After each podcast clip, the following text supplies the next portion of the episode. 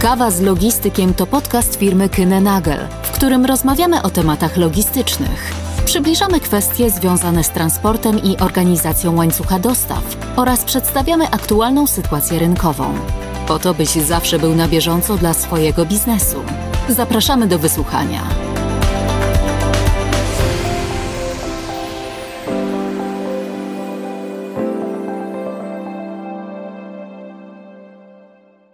Dobry. Witam Państwa w kolejnym odcinku podcastu Kawa z Logistykiem.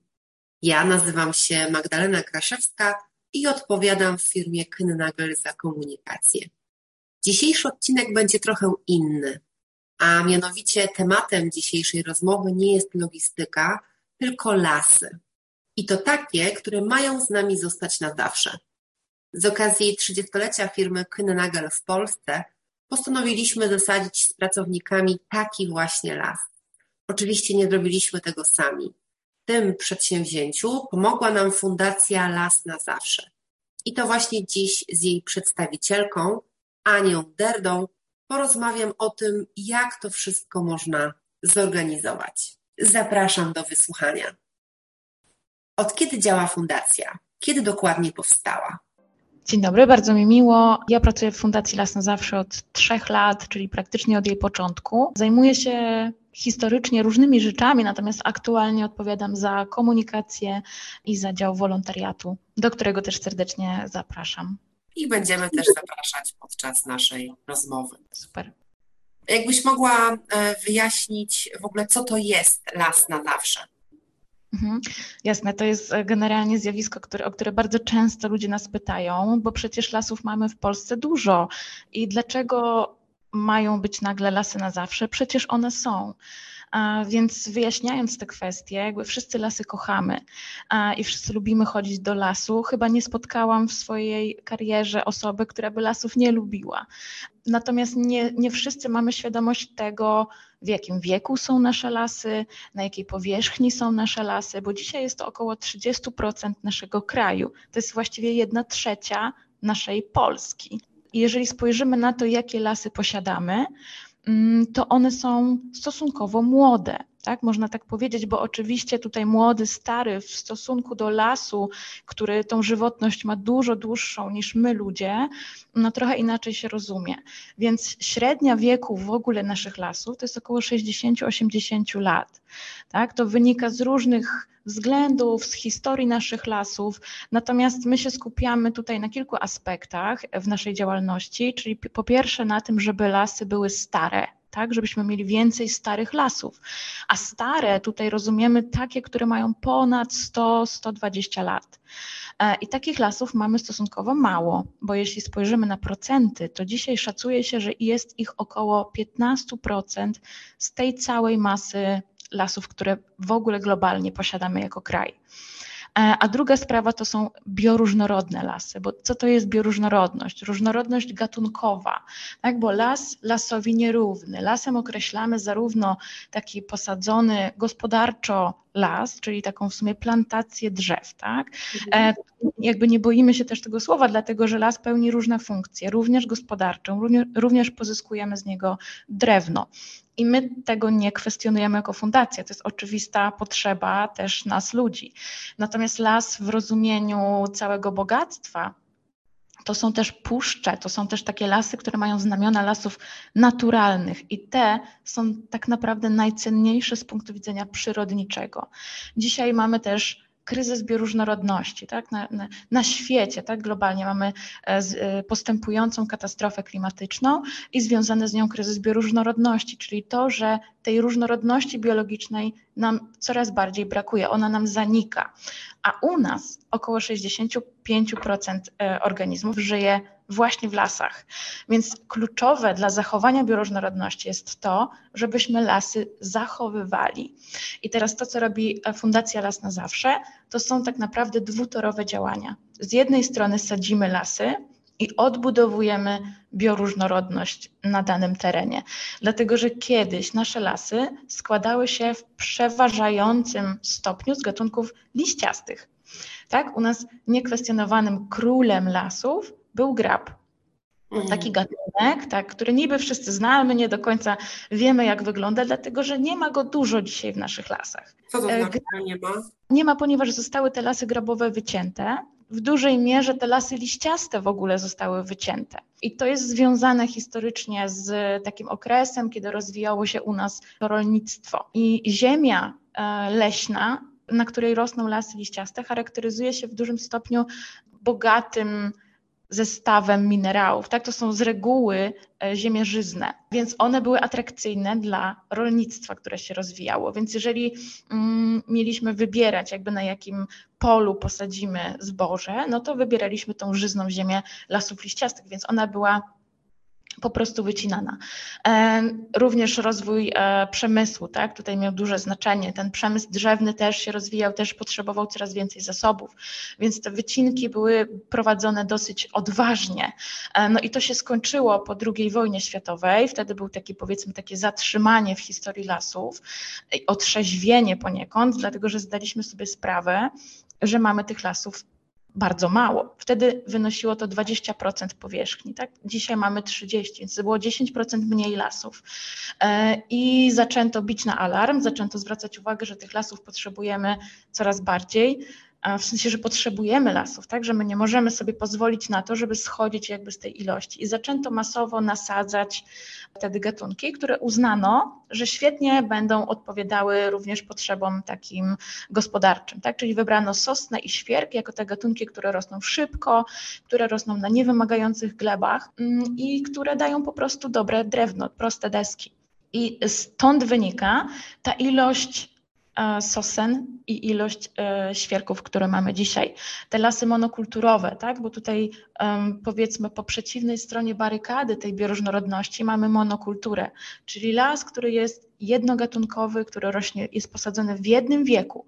Tak? To jest z punktu widzenia gospodarki super. Z mm. punktu widzenia lasu nie do końca fajnie, dlatego że dzisiaj też mierzymy się z tą katastrofą klimatyczną i otacza nas coraz więcej takich ekstremalnych zjawisk pogodowych, jak silne wiatry, jak jakieś nawałnice, coś, co do tej pory było spotykane w znacznie mniejszym stopniu. I to również jest coś, z czym musi mierzyć się las. Tak? Taki las a, musi przetrwać ten napór wiatru. I tutaj już w historii nawet ostatnich dziesięcioleci mamy przykłady takich nawałnic, które powaliły hektary, dziesiątki hektarów takiego lasu. A 2017 rok to jest duża e, katastrofa ekologiczna w Borach Tucholskich. Tam zostały po prostu powalone całe hektary lasów sosnowych, tak? takich właśnie sosnowych monokultur, które po prostu złamały się jak zapałki, bo tak się właśnie nazywa takie lasy rosnące równo i posadzone w jednym wieku, w liniach. To są lasy zapałki zapałczane, tak? Czyli te drzewa są sadzone też bardzo gęsto, a jedne obok drugich w takim dużym ścisku. I co się wtedy dzieje z punktu widzenia takiej rośliny, tak? Ona, sosna jest światłolubna, ona lubi światło, więc ona bardzo szybko rośnie, wzrasta, żeby jak najwięcej słońca pochwycić. One się ze sobą ścigają, żeby jak najwięcej słońca złapać. Przez to tworzą chude pnie, chude i wysokie pnie, mm, bo też nie mają miejsca tak? One są w dosyć mocnym zwarciu, więc nie mają miejsca, żeby utworzyć taki rozłożysty system korzeniowy, żeby się tak dobrze w tej glebie zamocować. Ten pień też nie jest gruby, tak? On nie ma szansy tak jakby zgrubieć, bo on cały czas wyciąga się do góry. No i też korona nie jest zbyt rozłożysta, nie jest zbyt swobodna, bo też tego miejsca nie ma. I w przypadku takiego wiatru, no to ten las jest mało odporny. On, e, właściwie te korony są też na jednym poziomie przez to, że one są posadzone w jednym wieku. No i pod naporem wiatru taki las po prostu bardzo łatwo się przewraca. To też ma swoje negatywne e, skutki w przypadku pożaru. W przypadku takich lasów iglastych mamy zjawisko pożaru po koronach. Takie lasy też znacznie lepiej się palą. To jest spowodowane z kolei tymi olejkami eterycznymi, które mamy w drzewach iglastych. Ten piękny zapach który nas otacza, jak wchodzimy do lasów iglastych. To jest taka aromaterapia naturalna dla ludzi, bardzo fajna, bardzo zdrowa, pozytywnie wpływająca na nasze zdrowie. Natomiast w przypadku wejścia ognia to jest dużo bardziej poważna sprawa, a niestety słowa naukowców mówią nam o tym, że takich pożarów też możemy się spodziewać, dlatego że Polska stepowieje. My mamy duży problem z wodą, duży problem z obniżaniem się wód gruntowych i tutaj las z jednej strony też zatrzymuje wodę, więc on też świetnie nam pomaga. O tym pewnie później pomówimy, jak on nam pomaga, bo las pomaga nam na wiele, wiele sposobów.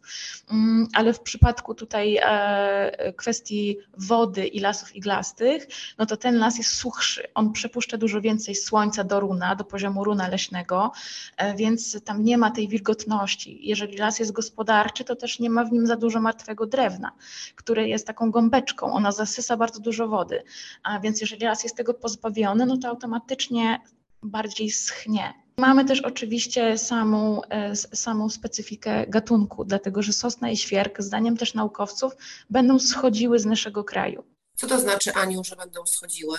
E, będą ustępowały. Gatunek naturalnie będzie się wycofywał on sobie nie daje rady. Ze świerkiem to już bardzo fajnie widać, znaczy fajnie, to, to właśnie nie, jest, to nie są fajne widoki. Natomiast widać to zjawisko. Świerk w górach już też przestaje sobie radzić dobrze.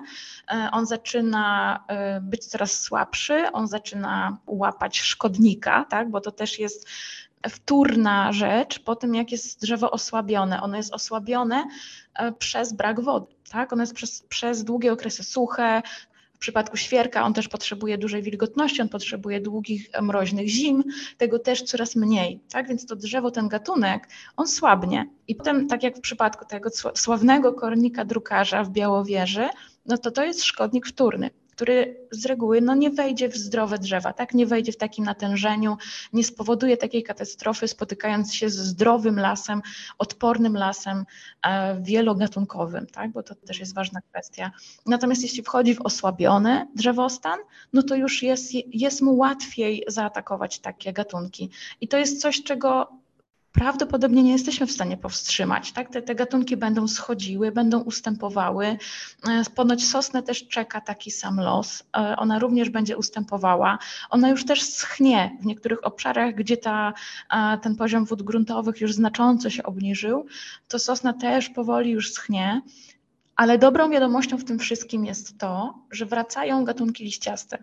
Jakby dzisiaj wskazuje się te gatunki liściaste jako te, które sobie lepiej poradzą w tej nowej klimatycznej rzeczywistości. One sobie lepiej radzą w długich okresach suchych. I tutaj znowu wraca grab, wraca dąb, wraca bóg, e, wracają wszystkie te gatunki, które właśnie kiedyś w naszych lasach najczęściej, najgęściej występowały.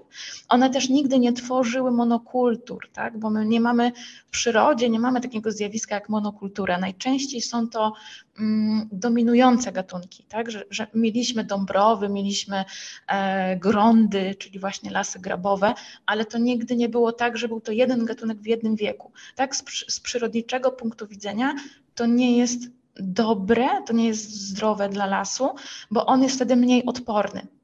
I tutaj znowu mamy przykład też e, tego, jak właśnie monokultura osłabia całą strukturę, dlatego że ta gradacja owadów też nie weszłaby w takim stopniu, gdyby las był mieszany tak? Gdyby las składał się z kilku gatunków, to tak naprawdę te gatunki się wspierają. E, ten szkodnik też jest wyspecjalizowany w jednym gatunku, no więc to jest podobnie jak mamy w uprawie rolnej, mm, że jeżeli mamy kukurydzę, jeżeli wejdzie nam szkodnik wyspecjalizowany w kukurydzy, no to, to jest duże niebezpieczeństwo i wtedy trzeba używać środków biobójczych, tak? Trzeba się posiłkować jakąś e, wyspecjalizowaną chemią, żeby sobie z takim czymś poradzić. Podobnie jest w lasach, tak? Tam też się używa środków ochrony roślin. Tam też e, w przypadku lasów monokulturowych też trzeba pomagać wspierać się e, jakimiś środkami chemicznymi, żeby tej mm, uprawy powiedzmy nie utracić. Mhm. Inaczej się to ma, jeśli las przypomina las naturalny.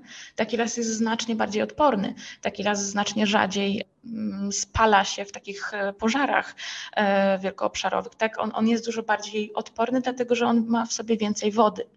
W jakim kierunku działacie? Sadzicie nowe lasy, czy właśnie wchodzicie w to urozmaicenie lasów monokulturowych? Jakie to są projekty? Dotychczas zajmowaliśmy się tylko sadzeniem. To była nasza taka główna gałąź działalności i to również będziemy z Wami jako naszym partnerem e, robić w niedalekiej przyszłości, bo już za niecały miesiąc. my mówimy, że my lubimy wspierać naturę. Dokładnie to robimy. Więc to nasze sadzenie nie odpowiada temu, jak sadzi się las gospodarczy, bo my sadzimy dużo mniej sadzonych na hektarze, właśnie po to, żeby dać roślinom miejsce na to, żeby wzrastały w zrównoważony sposób, w bardziej swobodny sposób. E, my sadzimy gatunki dostosowane do siedliska. Tak? Czyli inne gatunki posadzimy na glebie piaszczystej, inne na glebie e, wilgotnej, inne na glinie, mm, inne w, w bliskości terenów zalewowych czy przy potokach. Patrzymy zawsze na to, jakie wymagania ma gleba i dobieramy te gatunki, które mm, takim najlepiej sprostają takim wymaganiom. E, I, I co jeszcze robimy, to sadzimy jedynie gatunki liściaste. Właśnie dlatego, o czym mówiłam poprzednio, tak, że tych iglaków mamy już bardzo, bardzo dużo. To nie jest naturalna forma lasu u nas w Polsce na tak rozległych obszarach, więc staramy się przywracać te gatunki liściaste, wspierać odbudowę tych lasów, które kiedyś mieliśmy i które straciliśmy E, w dużym stopniu i po prostu wspierać odbudowę tej bioróżnorodności, dawać taki pierwszy push e, tym, tym strukturom leśnym, żeby one od razu były lasem bioróżnorodnym, lasem bogatym. Dodatkowo sadzimy także e, dzikie drzewa owocowe, takie jak dzika grusza, dzika jabłoń, ale też krzewy. Zawsze jest to domieszki jakichś krzewów, trzy, cztery gatunki krzewów na hektarze. To z kolei zachęca ptaki do tego, żeby osiedlały się w naszych lasach. A ptaki już później w kolejnych etapach życia tego lasu najlepiej poprowadzą tą bioróżnorodność, bo one przez swoją działalność rozsiewają inne gatunki tak, przyno będą przynosiły do naszych lasów gatunki, których my tam nie zaszczepiliśmy, a nasze gatunki będą z kolei roznosiły do, do okolicznych lasów, więc będą działały jakby ubogacająco dla całego tego obszaru. Mm, mamy nadzieję, że ten las będzie wzrastał w zdrowiu, e, że poradzi sobie w tej właśnie rzeczywistości klimatycznej mm, i nie chodzi nam o ilość, tak? My nie sadzimy drzew, my sadzimy las. Więc chcemy, żeby on wzrastał jako cały złożony ekosystem już od samego początku. Ale od niedawna też chronimy lasy dojrzałe. E, tutaj mamy około 10 hektarów lasów, które mają około 50, 60 i w górę lat, które mają elementy lasów naturalnych w sobie, mają rośliny wskaźnikowe, czyli takie, które właśnie świadczą o dużym stopniu naturalności. I takie lasy wyszukujemy i obejmujemy je ochroną. W lasach na zawsze nie będą prowadzone żadne wycinki, nie będą prowadzone prace gospodarcze, bo to, co dzisiaj też bardzo ludzi boli, to to, że te lasy co jakiś czas są wycinane. No więc lasy na zawsze nie będą wycinane, bo one mają służyć naturze, a nie gospodarce. I tutaj znowu podkreślę, że też nie bombardujemy wszystkich działań gospodarczych. Wiemy, że one są potrzebne, natomiast widzimy duży brak w zachowywaniu bioróżnorodności, w dbaniu o bioróżnorodność. Ta proporcja jest zdecydowanie nie jest zachowana, tak? Powinniśmy mieć więcej więcej parków narodowych, więcej rezerwatów ścisłych. E, od 20 lat nie powstał w Polsce nowy park narodowy. W Polsce mamy lasy, które są lasami państwowymi. Jak wy ten las wyszukujecie, ustalacie z kimś, że chcecie go chronić? Mhm. My nie działamy w żadnej zależności z lasami państwowymi. E, nie jesteśmy tutaj organizacją powiązaną w żadnym stopniu. My kupujemy lasy od właścicieli prywatnych. Okay. Tak? Jeśli w ogóle spojrzymy na lasy w Polsce, mm, to to 30% naszego kraju, większością z nich zarządzają lasy państwowe. Oni są organizacją, która po prostu zarządza nimi, tak? Nie są właścicielami. Właścicielami jesteśmy my wszyscy i całe państwo polskie. Natomiast to jest organ, który gospodaruje i zarządza. Natomiast 15% lasów w Polsce około jest własnością osób prywatnych. I takie lasy my jesteśmy w stanie kupować. Organizujemy zbiórki e, lub współpracujemy z większymi partnerami. Dzięki temu jesteśmy w stanie wykupywać kolejne hektary. Oczywiście im więcej, tym lepiej z punktu widzenia przyrodniczego. Nie jesteśmy w stanie stanie kupować lasów państwowych. W sensie lasy państwowe nie są w stanie sprzedawać lasów. I niech tak zostanie, dlatego że mm, te lasy powinny pozostać na zawsze lasami. Poniekąd jest to gwarantem tego, że tam nie powstaną inne formy zabudowy. Tak? Jeżeli jest to lasem e, we władaniu lasów państwowych, no to tak naprawdę oprócz tego, że las co jakiś czas się wycina, no to zawsze powstanie tam nowy las. Tak? Według ustawy e, zarządca też ma obowiązek 5 lat po przeprowadzeniu wycinki posadzić tam nowy las. I to oczywiście jest też dyskusyjne z punktu widzenia tego, co my robimy, dlatego że starego lasu nie da się posadzić. Tak? Tutaj musimy mieć mhm. świadomość tego, że jeżeli wycinamy las, sadzimy coś zupełnie innego, tak? I dzisiaj też mamy taką sytuację, że po tak zwanych cięciach zupełnych, tak? czyli takiej rębni zupełnej, jeżeli jest wycinane na większym obszarze las, to on ma bardzo trudno, jeśli chodzi o re jego regenerację. Tak? Być może ten las nie będzie już takim lasem, jaki rósł tam poprzednio, dlatego że delikatne rośliny runa leśnego mają coraz ciężej w tych warunkach klimatycznych z tym, żeby powracać. E, jeżeli chodzi o jakieś rzadkie porosty, rzadkie organizmy w ogóle, które często są związane z martwym drewnem, które często są w czerwonej księdze gatunków, są gatunkami zagrożonymi, no to jeżeli obszar ich występowania zostanie odsłonięty, tak? bo tutaj chodzi też o to, że ten, jeżeli zrobimy taką wycinkę rębnie całkowitą, to tak naprawdę odsłaniamy dno lasu odsłaniamy tą ziemię. Bardzo często wchodzi tam orka. Przed kolejnym e, zalesieniem ten obszar jest orany. I takie delikatne rośliny już tak naprawdę nie, nie mają nie, szans pewnie, żeby przetrwać. żeby tam powrócić, tak? Więc de facto to są działania, które degradują ten las, które sprawiają, że ten las jest coraz bardziej ubogi. Mm, I my chcąc temu przeciwdziałać, chcąc zachować jakby jak najwięcej takich organizmów, chronimy dojrzałe lasy. A te lasy, które e, sadzimy, mają wspierać odnowę lasów liściastych, mają wspierać odbudowę takiej bioróżnorodności i mamy nadzieję, że staną się ostoją właśnie dla tych najrzadszych gatunków, no ale po to muszą urosnąć, muszą stać się takim lasem z prawdziwego zdarzenia, a żeby las zdziczał, potrzebuje około 80 do 100 lat.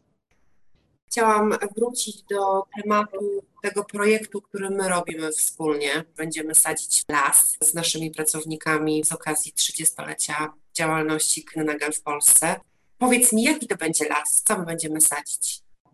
To będzie na pewno las bioróżnorodny e, i las liściasty. E, to oczywiście zależy od tego, jaka tam jest ziemia. Mm, natomiast wydaje mi się, że na pewno będziemy sadzić dęby, e, na pewno będziemy sadzić graba, bo on bardzo często jest, taką, jest takim gatunkiem e, dominującym na danym obszarze. Tam oczywiście będą występowały też krzewy, będą występowały te drzewa dzikie, owocowe. E, to wszystko jest w tym momencie opracowywane. Nie mamy jeszcze dokładnych list, dlatego że pracujemy tutaj też z naszymi doradcami, konsultujemy te zestawy powiedzmy gatunkowe, bo też nie wszystkie drzewa ze sobą dobrze funkcjonują, niektóre wolą innych sąsiadów, więc to mm. wszystko jest e, tworzone w zależności od tego, jakie tam są warunki glebowe ale na pewno będziemy razem robić coś naprawdę pięknego, będziemy też z tą ziemią pracować. To jest z naszego punktu widzenia też fantastyczne, że wy przywieziecie swoich ludzi, swoich pracowników, swoich gości i będziemy tam razem pracować, tworząc ten las. To jest, to, jest, to jest rewelacyjna rzecz, to jest rewelacyjny czas. I oprócz tego że pogoda być może nie będzie rewelacyjna, tak? To jest zawsze trudne, bo, bo, bo to jest oczywiście, to już jest taka późna jesień, tak? Tutaj mogą być deszcze, mogą być wiatry, na pewno nie będzie zbyt ciepło. E, mam nadzieję, że wszyscy będziemy mieć kalosze, bo to bardzo pomaga w takich warunkach. I ta praca nie jest piknikiem, tak? To nie jest taka sielanka na, na łonie natury, i się zmęczymy, tak, bo to również jest taka praca fizyczna dosyć ciężka, jednak pracujemy ze szpadlami, dużo się schylamy, ale jest to taka radocha, jest to takie niesamowite uczucie, bo my wiemy, że dzisiaj ten dąb, którego posadzimy, on będzie tam bezpieczny, on będzie tam rósł, jeśli się oczywiście przyjmie, tak? bo to, to już zależy od niego, to już jest jakby w jego mocy. My dzisiaj tylko wspieramy to, żeby one tam znalazły swój dom, żeby te gatunki tam się dobrze poczuły, a dalej niech decyduje natura, niech natura prowadzi ten las w odpowiednim kierunku. Ale też to, że my będziemy tą ziemię wąchać, będziemy mieć ręce, rękawice brudne od tej gleby, poczujemy tą ziemię, to mamy nadzieję, że dla Was będzie to też dużo znaczyło, że Wy poczujecie, że dzięki Wam ten las powstanie i będziecie tam wracać. Będziecie się z nim zaprzyjaźnicie, tak? Będziecie odwiedzać go, patrzeć, jak ten las się rozwija, jakie tam się pojawiają gatunki, z czasem może zamieszkają tam jakieś zwierzęta. Na to też mamy nadzieję. Chcemy, żebyście też wyczuli, jak wielką robotę robicie, sadząc z nami taki las, w przenośni dosłownie, e, bo to jest las dla przyszłych pokoleń. To, co my będziemy robić, ono nie będzie służyło nam e, w takim rozumieniu, że ten las będzie rósł, on będzie powiedzmy takim leśnym dzieciakiem jeszcze za naszego życia i dopiero przyszłe pokolenia zobaczą jego piękno, jego rozkwit, jego dojrzałość bo no potrzeba na to tych, tych 80-100 lat. Życzę nam, żebyśmy wszyscy jak najdłużej żyli w zdrowiu. Natomiast no myślę, że za 100 lat, no to jednak jest kolejne pokolenie, które będzie się cieszyło tą bujnością lasu na zawsze. Ja myślę, że właśnie taka praca też naszych pracowników z tą świadomością, że robimy coś dla przyszłych pokoleń, ale też, tak jak mówisz, na zawsze, czyli wiemy, że to nie zostanie ani wycięte i sama natura decyduje o tym, czy, czy to drzewo przetrwa, czy nie no to jest wspaniałe. Ale też mówiłaś, Aniu, coś o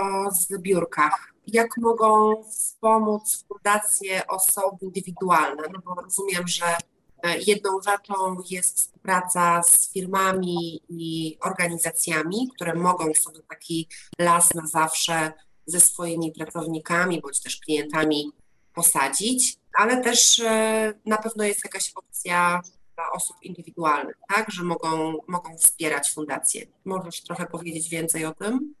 Jasne.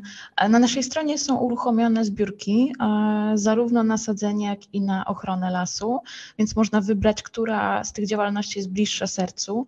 I jeżeli chodzi o opłaty, które dzieją się przez stronę internetową, takie przeznaczone dla osób indywidualnych, to są opłaty, które w 100% idą na ziemię, tak? Bo, bo ziemia tutaj jest tym kosztem, który jest największy. Nie ma tam żadnych kosztów administracyjnych. My też bardzo transparentnie podchodzimy do rozliczeń, więc e, zawsze podkreślamy, skąd czerpiemy środki na swoje utrzymanie jako fundacja i jak są rozkładane fundusze, które e, pozyskujemy dzięki właśnie takim zbiórkom. Więc wszystkie osoby, które wpłacą nam dzisiaj przez stronę internetową, mają pewność, że te pieniądze są przeznaczone na posadzony las na zawsze lub ochroniony las na zawsze, najbliższy, który jesteśmy w stanie zrealizować, tak? Bo te zbiórki są ciągłe, a tak naprawdę i sadzenie i ochrona odbywa się w takich cyklach, czyli my najpierw zbieramy i w przypadku sadzenia Jesień lub wczesna wiosna to są takie momenty, kiedy możemy sadzić. W przypadku ochrony takich cyklów nie ma, no ale musimy tak naprawdę uzbierać te fundusze, znaleźć działkę, porozumieć się też z właścicielami. W przypadku działki leśnej też lasy państwowe mają prawo pierwokupu, więc my musimy odczekać miesiąc, żeby taki zakup się nie, nie zadział, tak? I dopiero wtedy możemy taką ziemię nabyć. Więc e, w ogóle jako działalność fundacji to jest dosyć dosyć nas to też zaskoczyło, że to jest takie trudne, tak? że to jest takie złożone, żeby rzeczywiście i nabywać te lasy i mówić, że one są na zawsze i być w stanie to powiedzieć, tak? z pełną świadomością tego, jak to dzisiaj wygląda, jeśli chodzi o prawo, bo to nie jest takie proste, żeby z lasem nic nie robić, bo właściwie prawo poniekąd jest skrojone pod pozyskiwanie drewna, tak? bo nawet ustawa o lasach mówi o, e, tam o lasach gospodarczych. Więc my nie do końca wiedzieliśmy, jak to najlepiej zrobić, żeby las był na zawsze. Dzisiaj już wiemy, że robimy to najlepiej, jak to możliwe. Konstruowaliśmy taki system zabezpieczeń, które wiążą zarówno naszą fundację, e, zakazują nam wielu rzeczy, tak, żeby też e, publicznie to, to jakby było wiadomo, w naszym statucie są zapisy, które zakazują nam wycinki, zakazują nam dalszej odsprzedaży gruntów, ale zakazują nam także zlecania jakichkolwiek takich prac osobom trzecim. Że jeżeli fundacja uległaby rozwiązaniu z jakiegoś powodu, oczywiście tego nie planujemy, no ale ten aspekt też chcieliśmy zabezpieczyć, e, to również musi przekazać tę ziemię innej organizacji o podobnym profilu. Więc my musimy zadbać o ich przyszłość, nawet gdyby przyszłość fundacji była zagrożona. Fundacja działa na zawsze, więc też myślimy dalekosiężnie. E, również napisaliśmy projekt ustawy. Mm, chcemy zmienić polskie prawo i właśnie ułatwić oddawanie ziemi naturze, czyli, czyli tak naprawdę nie robienie nic, tak? E, pozyskiwanie gruntów i pozostawianie ich, żeby one stały się naturalnym rezerwatem. Mniejszym rezerwatem, być może nie takim bogatym od samego dnia pierwszego, natomiast chcemy, żeby oddawanie ziemi naturze było łatwe, i w miarę szybkie. Dlatego napisaliśmy ustawę. Nowy, nowa forma prawna, prawna, nasza propozycja to obszary społecznie chronionej przyrody. No i chcemy tak naprawdę wszystkim, nie tylko naszej fundacji, ale też innym organizacjom albo osobom prywatnym, po prostu ułatwić to, żeby ziemię pozostawiać naturze, bo ona nie musi w takim stopniu służyć nam ludziom. Tak? Dzisiaj mamy ogromną antropopresję, to się tak naukowo nazywa, czyli że człowiek wywiera dużą presję na naturę. E, zagarnęliśmy bardzo dużo terenów. Mamy też w Polsce bardzo dużo nieużytków, które moglibyśmy tej naturze oddać. Mamy nadzieję, że uda się wprowadzić obszary społecznie chronionej przyrody do polskiego prawa i że to w znacznym stopniu ułatwi ochronę nie tylko lasów, ale też łąk, bagien, e, obszarów jakichś zalewowych. Tak? Dzisiaj tego, czego nam bardzo brakuje. E, Polska, jak mówiłam już wcześniej, ma ten problem z, z suszą, z, Polska stepowieje. E, I potrzeba nam też takich terenów, które po prostu mogą być zalewane, które mogą być łąkami, na których mogą swoją działalność uskuteczniać bobry, które są świetne inżynierami, tak? One tutaj bardzo dobrze działają. Tylko oczywiście my z bobrami często mamy konflikt, powiedzmy my ludzie, dlatego że zaczęliśmy się osiedlać w miejscach, które są zalewowe potencjalnie, tak? Więc jeżeli bobry wracają, no to idą według swojego pierwotnego planu i, i, i niestety nas podtapiają niejednokrotnie. Natomiast są świetne, jeżeli chodzi o małą retencję, e, o to, że one nas tak naprawdę wspierają w tym, żebyśmy wód gruntowych mieli więcej, żeby, żeby one nam nie uciekały, bo dzisiaj nam uciekają i ich poziom się obniża, sukcesywnie się obniża. Co jest bardzo też ciekawe, bo jeszcze jedna dygresja a propos właśnie wody, to taka, że bilansowo to my opadów mamy podobnie jak w poprzednich latach, tak? Jeżeli patrzymy na w ogóle ilość wody, która nam spada z nieba, no to ten poziom powiedzmy jest zachowany, natomiast ich charakter się zmienił, tak? Dzisiaj mamy bardzo dużo deszczy nawalnych, czyli bardzo dużo wody, burze, deszcze bardzo intensywne w krótkim okresie czasu, które nam po prostu spadają na nas i bardzo szybko odpływają. Długo inwestowaliśmy w meliorację, tak, w rowy, w betonowanie koryt rzek, e, w ogóle w regulowanie rzek.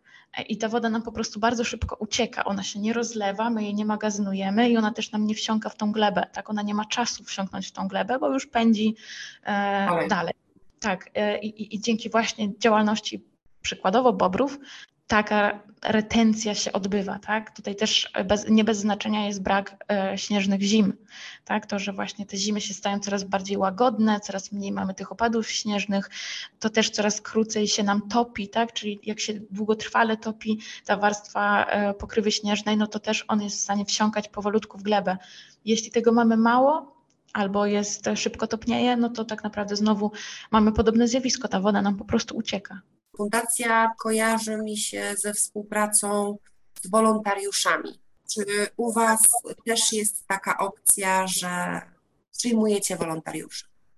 Tak, jak najbardziej. A teraz jest to też taki obszar, gdzie kierujemy swoją uwagę jak najbardziej, bo widzimy, że też to zainteresowanie jest e, gigantyczne. My się nawet nie spodziewaliśmy. Dla nas to jest niespodzianka, że tyle osób chce nam pomagać, chce z nami działać. I tutaj znowu ja się odwołam do tego, że Polacy lasy kochają.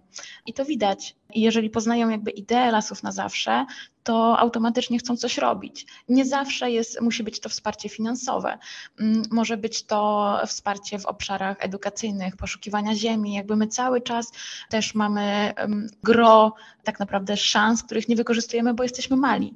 Jesteśmy małą fundacją, więc z chęcią przyjmiemy też osoby, które chcą nas e, wspierać, które chcą nam pomagać, które też mają rozmaite talenty, bo tutaj trzeba też e, oczywiście powiedzieć o tym, jacy my wszyscy ludzie jesteśmy różnorodni, tak samo jak las jest różnorodny, tak samo my ludzie jesteśmy różni i mamy różne talenty.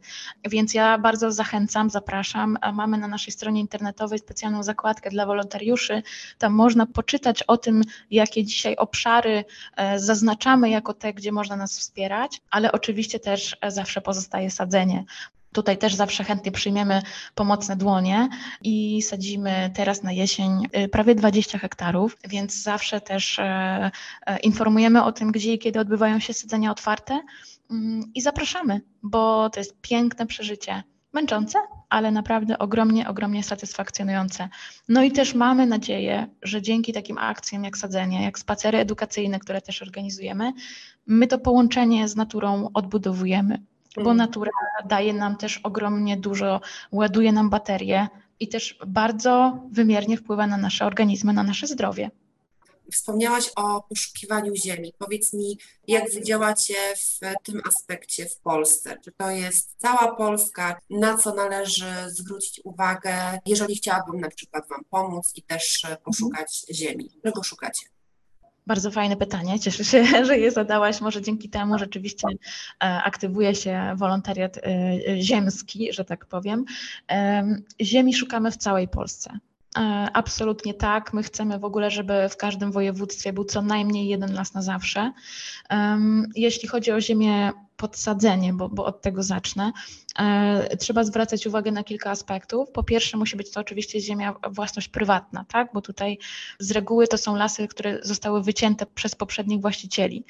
I taka ziemia nie jest najszczęśliwsza, jeśli na nią patrzymy, tak? bo też widok takiego wykarczowanego lasu no, boli szczególnie nasze, nasze e, wrażliwe na, na naturę serca. Natomiast w takiej ziemi już mamy całe bogactwo takiego podziemnego ekosystemu leśnego, bo tam są porosty, tam są grzyby, tam są bakterie glebowe. Ta ziemia jest już gotowa na kolejne pokolenie lasu, bo taki cały ekosystem leśny, on się wspiera, tak? Jakby na tym polega e, w ogóle niesamowitość lasu bioróżnorodnego, że te całe systemy połączeń służą temu, żeby las był zdrowy, był bogaty e, i się świetnie rozwijał. To jest całe bogactwo lasu, właśnie te połączenia. Jeżeli cała ta podziemna infrastruktura już jest, to z punktu widzenia przyrodniczego to jest najlepsze miejsce, żeby posadzić las na zawsze. Czyli Więc... jeżeli widzimy teren po jakiejś wycince, to możemy do Was się zgłosić i tak, poinformować, że tu i tu e, takie Dokładnie. miejsce widzimy. Mhm. Dokładnie. Oczywiście nie jesteśmy w stanie w każdym województwie kupić takiej ziemi. Tutaj oczywiście dużym e, czynnikiem jest cena również, tak? bo są województwa, które chociażby są bardzo atrakcyjne turystycznie i tam ceny ziemi są po prostu poza naszym zasięgiem. Oczywiście staramy się też robić tak, żeby ten las był rozsiany, żeby on się nie skupiał tylko na jednym województwie, więc e, staramy się szukać całej Polsce. Bardzo dużą pomocą jest dla nas też taka lokalna aktywność, bo bardzo często, nie wiem, osoby, które są w podeszłym wieku, nie posługują się internetem, tak? Więc lokalna prasa, nawet jakieś y, po prostu sąsiedzkie historie, czyjś dziadek, czyjś wujek ma las na sprzedaż, jakby to są dla nas na wagę złota e, historie, bo my wtedy docieramy do źródła, docieramy do tych osób, które też często, i to jest ciekawe, chcą tą ojcowiznę zachować, tak? którym bardzo często też zależy na tym, żeby ta ziemia pozostała lasem.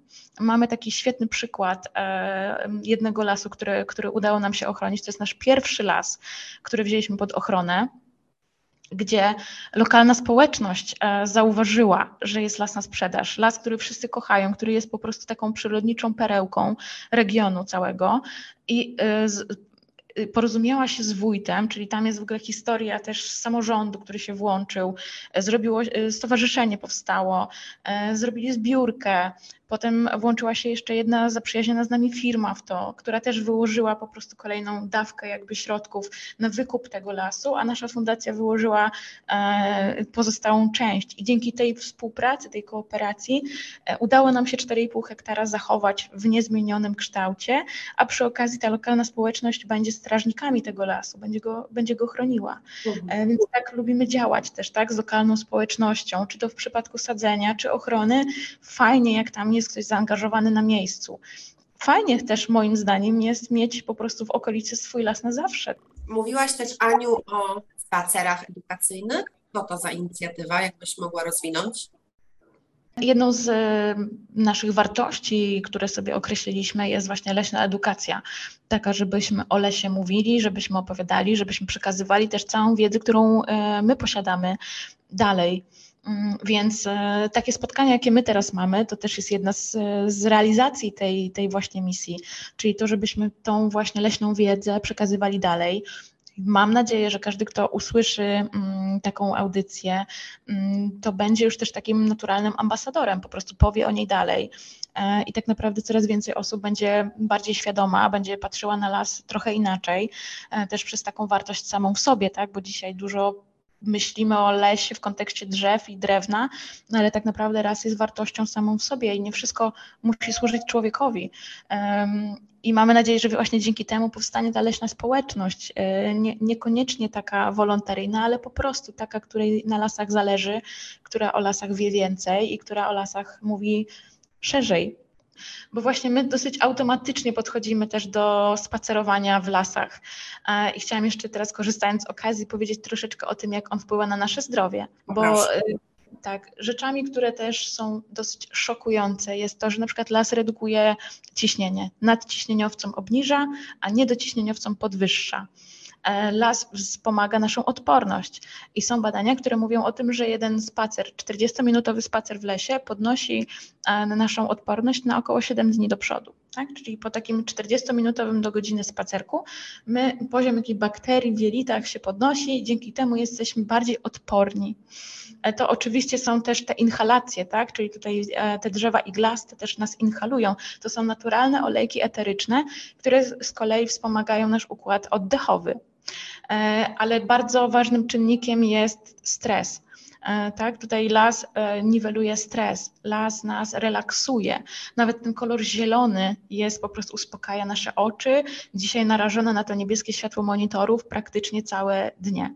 Więc warto jest do takiego lasu pójść, warto jest rzeczywiście popatrzeć się na te zielone liście jeszcze, teraz już coraz bardziej pomarańczowe, mm, ale to też jest, to też jest jakby piękne, bo w ogóle bycie w lesie sprawia, że czujemy się też bezpieczniejsi. Tak? To jest związane z kolei takimi, z takimi czynnikami e, z przeszłości, takimi powiedzmy plemiennymi, tak? że my kiedyś w lesie znajdowaliśmy pokarm, znajdowaliśmy e, bezpieczną przystań, więc też bardzo często czujemy się po prostu dobrze w tym lesie, czujemy się bezpiecznie, bo on nam wysyła po prostu taki sygnał, że jesteśmy w domu. Chciałam się też Ciebie zapytać, jakie jest Twoje ulubione drzewo?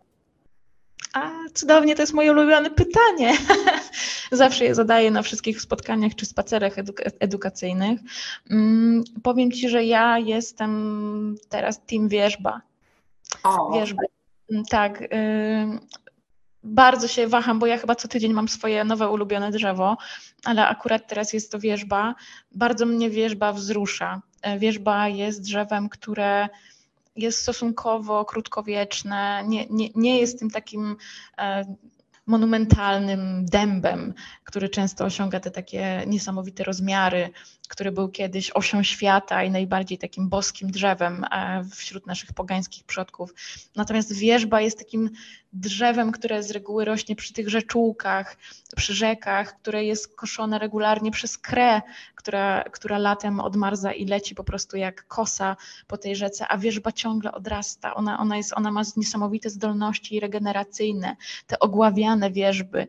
Nie wiem, czy kojarzysz takie często mhm. występujące na takich obrazach sielskiej wsi polskiej, którymi kiedyś swoją drogą tymi pędami wierzby karmiono zwierzęta i to jest jeden z powodów, dla których to ogławianie się w ogóle działo, tak, że w takich chudych latach, wczesną wiosną to był, to był pokarm dla zwierząt. I to są takie właśnie te różne takie gargulce, powiedzmy, drzewne, tak? Bo tak naturalnie rosnąca wierzba tak nie wygląda. E, natomiast ta wierzba z tym takim jeszcze, z tym listeczkiem delikatnie po prostu wiszącym nad rzeką, to jest coś absolutnie romantycznego, e, ale też ta wola życia, bo wierzba, mimo tej swojej delikatności, właśnie jest bardzo odradzającym się drzewem, które nawet z uciętego pnia potrafi odbijać pędy. to jest piękny widok, piękne drzewo i takie polskie rdzenne, jeszcze ta literatura i, i, malarstwo, które się tą, tą wierzbą bardzo inspirowało, no to jest coś, co do mnie teraz bardzo mocno mówi. Ja mam tą wierzbę bardzo mocno w serduszku. Cudownie. Bardzo Ci, Aniu, dziękuję za naszą dzisiejszą e, rozmowę. Do zobaczenia za miesiąc na sadzeniu i dziękujemy wszystkim słuchaczom za uwagę. Bardzo pozdrawiam, dziękuję za wysłuchanie e, tej rozmowy i zachęcam też wszystkich do wizyty w lesie i rozejrzenia się, świadomego popatrzenia na drzewa, na krzewy, na grzyby, na to wszystko, co w lesie funkcjonuje i co jest połączone. I my też jesteśmy tego częścią, pamiętajmy o tym.